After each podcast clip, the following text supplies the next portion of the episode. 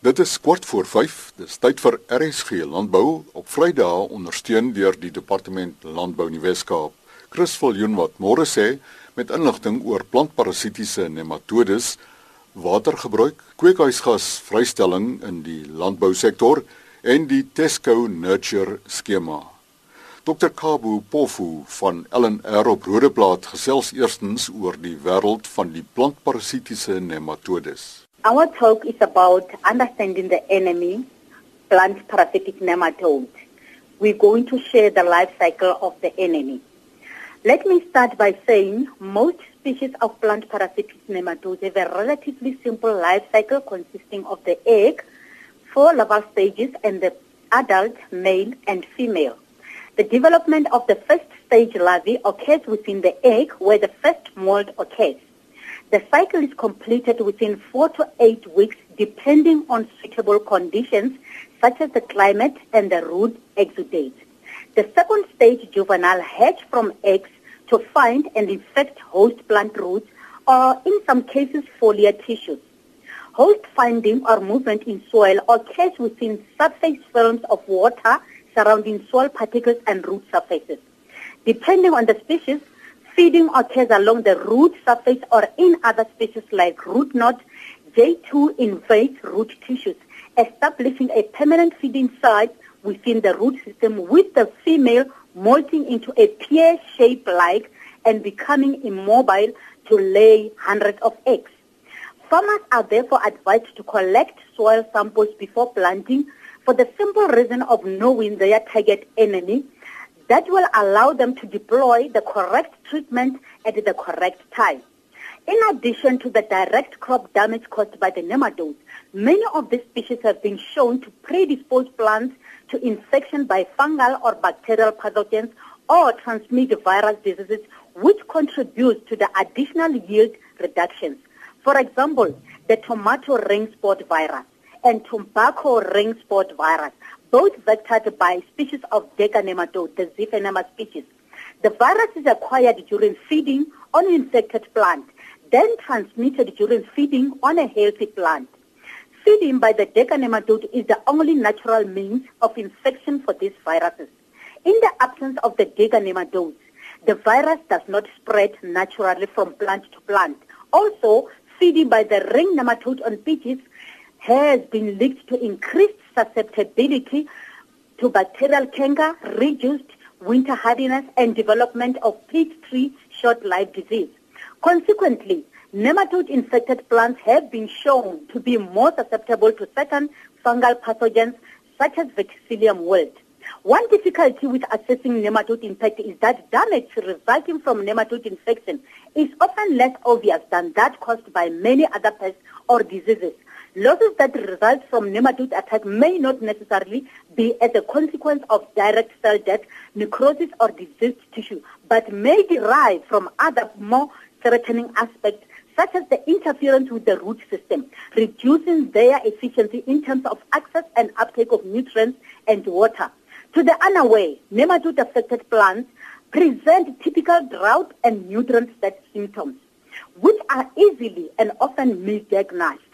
Generally, vegetable and fruit production in tropical and subtropical environments cannot be considered without some form of nematode management. Navorser op LNR Rodeplaat, Dr Kabo Pofu, sy kan geskakel word by 0128088000.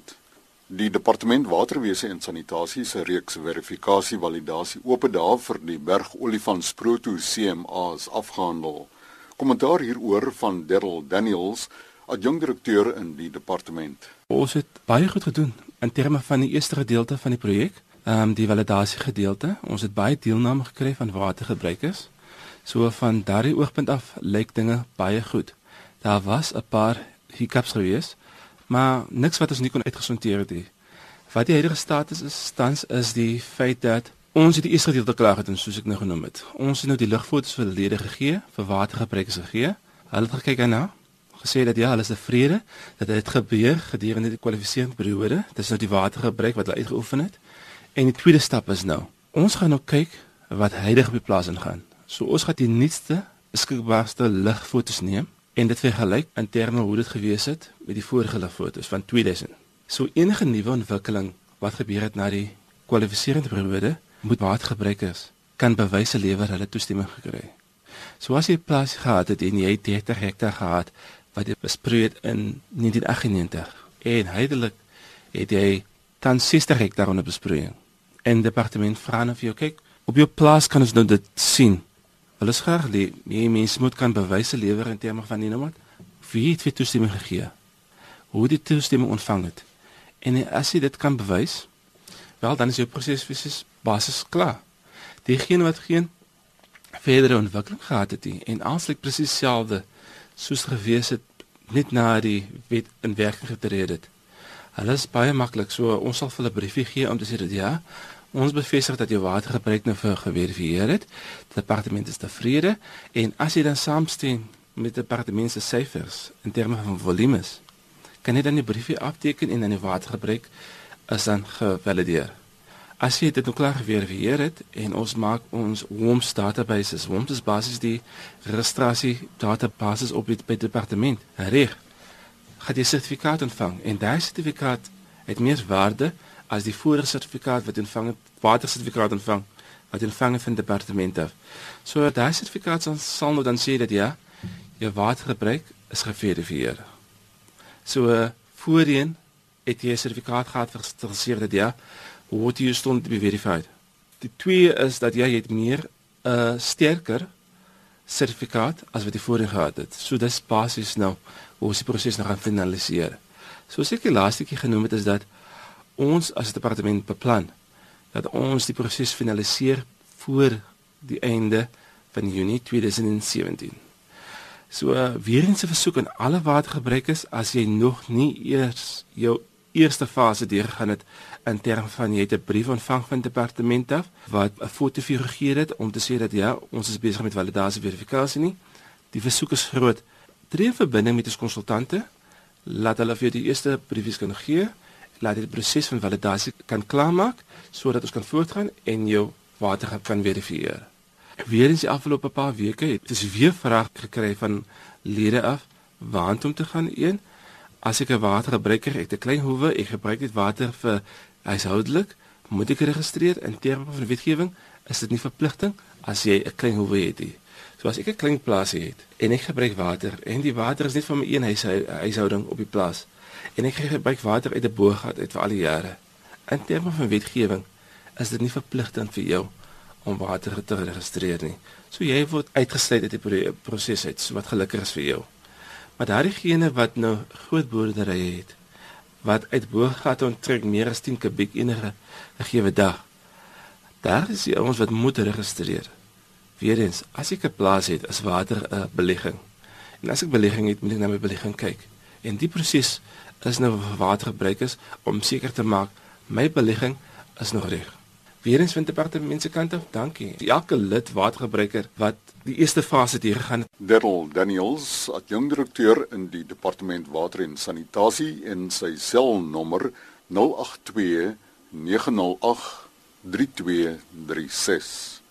Kweekhuisgas vrystelling in die landbousektor. Hieroor verneem ons by Corrie Swanepoel, navorser by LNR Instituut vir Grond, Klimaat en Water. So ruk terug het die departement van omgewingsake 'n kweekhuisgas inventaris vrygestel en in hierdie inventaris kan ons verskillende bydrae van kweekhuisgasse in die verskillende sektore van die land met mekaar vergelyk. Dis nie 'n verrassing nie dat elektrisiteit die grootste bydraer is in die land en dra omtrent so 'n kwart van alle kweekhuisgasse by. Landbou trek ongeveer by 14%. Nou as ons net kyk na die landbousektor op sy eie, Die gasse waarvan ons praat is maar die gewone skuldiges, die koolstofdioksied of CO2, N2O of die stikstofoksied en metaan. Nou elke een van hierdie gasse word geassosieer met 'n heeltemal 'n verskillende proses. Metaan byvoorbeeld word omtrent uitsluitlik geassosieer met diereproduksie en veral diere wat in voerkrale staan. Daar is ook metaalvrystelling uit die grond uit, maar dit word spesifiek aangetref by anaerobiese toestande. So met ander woorde, aktiwiteite soos byvoorbeeld rysproduksie is waar 'n mens tipies metaan produksie uit die grond sal aantref. CO2 word hier dan meestal geassosieer met verbranding, praktyke soos uh verbranding van oesreste, ehm um, suikerriet en veiding dra alles by tot CO2 produksie. Nou daar is ook CO2 wat uit landbougrond uit vrygestel word, maar meeste hiervan is net in die begin as 'n mens nuwe landbougrond begin bewerk, dan kry mense verhoogde CO2 vrystelling. Gevestigde landbougrond word beskou as koolstofneutraal omdat die hoeveelheid koolstof wat gesekwestreer word in 'n jaar min of meer gelyk is aan die hoeveelheid koolstof wat vrygestel word.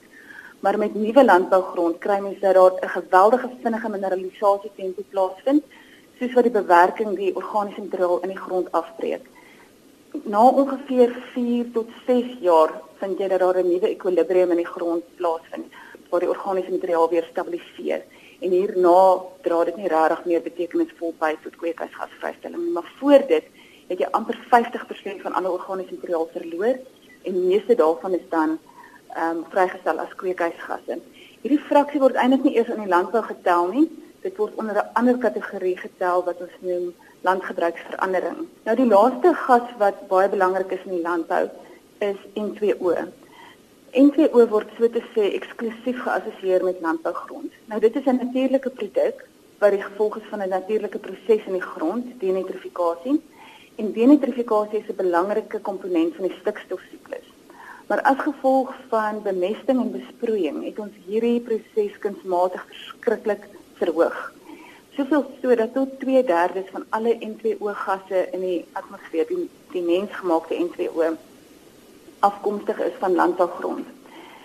Nou hierdie is belangrike inligting vir ons um, om te hê in die landbousektor want dit help ons om te sien waar is die probleemareas waar kan ons ons navorsing op fokus en waar kan ons bestuurspraktyke aanpas sodat ons as 'n landbousektor ons kweekhuisgasse kan verminder.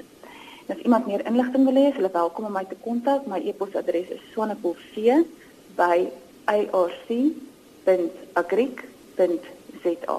Navorser by LNR Instituut vir Grond, Klimaat en Water, Corrie Swanepoel en haar e-posadres swanepoel.c@arc.agric.za. Karel Monroe van Control Union en ook Cisa ouditeur praat vervolgens oor die Tesco Nurture skema. Chris Evans van die Tesco Nurture skema het onlangs 'n baie belangrike aankondiging gemaak en dit is dat die Tesco Nurture skema vanaf 1 Januarie 2017 deel sal vorm van die Global Gap weergawe 5. Dit sal in die vorm van 'n ekstra vraelys inkorporeer word. Produsente sal in die toekoms via Global Gap registreer ten einde die ekstra Tesco gedeelte ook deur te gaan. Die Tesco Nurture gedeelte sal uit ongeveer 40 ekstra kontrolepunte bestaan wat by die Global Gap standaard gevoeg word. Die infasering sal as volg plaasvind. Fase 1. Vanaf Januarie 2017 sal produsente wat beide Global Gap en Tesco Nurture audits verlang, slegs die een gesamentlike audit geaudit word. Fase 2 is vanaf Junie 2017 sal produsente wat slegs Tesco Nurture audit verlang, ook die Global Gap audit met die 40 kontrolepunte vir Tesco moet doen. Vir enige navraag, kontak die verskaffer in die buiteland of Tesco via hulle webwerf. Vir enige ander navraag, kontak my gerus by 082 464 0806.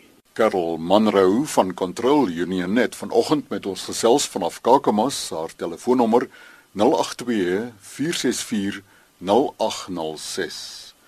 Vanoggend se program word herhaal op Elsenburg se web www.elsenburg.com. Hy het gister sy 90ste verjaardag gevier en is nog elke dag aktief op sy tafeldryf uitvoerplaas. Op 'n resvig gedek, die het Jeffrey ontmoet toe daar kom skool was. En toe ik vrouw of zij wil mij gaan trouwen, ze zei ja, op één voorwaarde. Zij wil aangestoef hê en wil op 'n plaas woon. Die res van hierdie verhaal môreoggend om kwart voor 12 in RSG Landbou. Groete vanaf Elsenburg.